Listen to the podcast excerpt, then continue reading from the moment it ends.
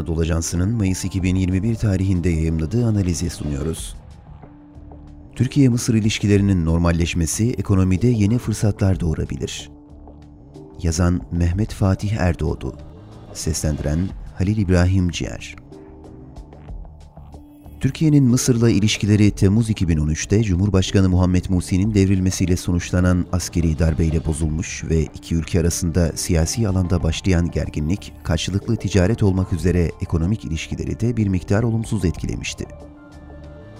Yakın zamanda iki tarafında attığı adımlarla başlayan normalleşme çabaları ve bu yönde ortaya konulan siyasi irade, bu ay Türk Dışişleri Heyeti'nin Kahire'ye yapacağı ziyaretle resmiyet kazanacak.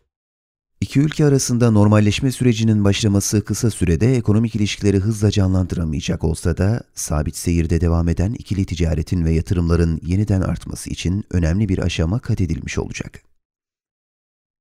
Aslına bakılacak olursa söz konusu 7,5 sene içerisinde Türkiye ve Mısır arasında çeşitli gümrük engelleri, bürokratik mevzuatlar ve vize başvuru sürelerinin uzun olması gibi sorunlar yaşansa da ekonomik ilişkiler hiçbir zaman durma noktasına gelmedi. Aksine Mısır, Türkiye'nin Kuzey Afrika'daki önemli ticaret partnerlerinden biri olma özelliğini korudu. 9 Afrika ülkesini birbirine bağlayacak proje. Mısır'da yakın zamanda gerçekleşen demiryolu kazalarının ağır kayıplara yol açması ve yolların iyileştirilmesi hedefi birçok ulaşım ağ projelerinin hayata geçirilmesine yol açtı. Arap News'in haberine göre Mısır, Sudan'la birleşmeyi mümkün kılacak 450 kilometreden fazla uzunlukta bir demiryolu inşa edecek. Nisan ayı ortalarında Sudan'ı ziyaret eden Mısır Ulaştırma Bakanı Kamel El-Vazir, projenin 254,6 ila 318,7 milyon dolara mal olacağını bildirdi. Öte yandan Mısır, ülkeyi 9 Afrika ülkesine bağlayacak büyük bir altyapı projesi planlıyor. Mısır'da yapılması planlanan birçok altyapı ve ulaşım işinin büyüklüğü dikkate alındığında bu konudaki deneyimli Türk müteahhitler Mısır'ın ihtiyaç duyduğu alanları çok rahat doldurabilir. Bununla birlikte Türkiye ile Mısır'ın söz konusu projeler ışığında Afrika'daki üçüncü ülkelere ortak yatırımlarda gerçekleştirmesi mümkün olabilir. Doğu Akdeniz'deki gaz rezervlerinin aranması ve diğer enerji nakilatlarındaki Mısır yatırımları ele alındığında yakınlaşmanın Türkiye için birçok yeni alanda fırsata gebe olabileceği de düşünülebilir. Salgının Mısır'ın ekonomisine etkileri Dünya Bankası verilerine göre Mısır'da salgının devam eden etkisi ve COVID-19 vakalarındaki artışla büyümenin 2019-2020'deki %3,6'dan 2020-2021'de %2,3'e düşeceği tahmin ediliyor. Dünya genelindeki birçok ülkeye göre %2,3 büyüme, ülke ekonomisinin salgına rağmen büyümede ayakta kalabildiğini gösteriyor.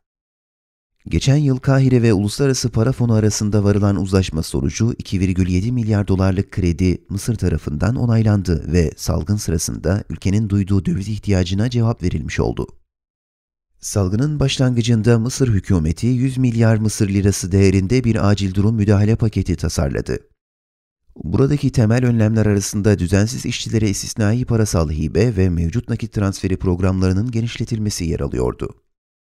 Mısır Merkez Bankası likiditeyi rahatlatmak ve bireylerin uygun koşullarda krediye erişimini sağlamak için politika faizlerini düşürdü. Bu adım 2019-2020 finans yılında %5,7 olarak kaydedilen enflasyonun gerilemesi için atıldı.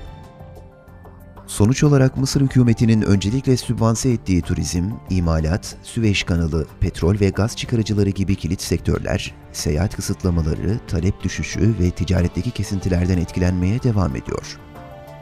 Türkiye için yeni dönemde bu kritik sektörlere yönelik birçok fırsat oluşturulabilir. Özellikle altyapı projeleri için gerekli inşaat işlerinin yoğunluğu, bölgedeki tecrübeli Türk müteahhitleri için yatırıma ve Mısırlılar için de istihdama dönüşebilir.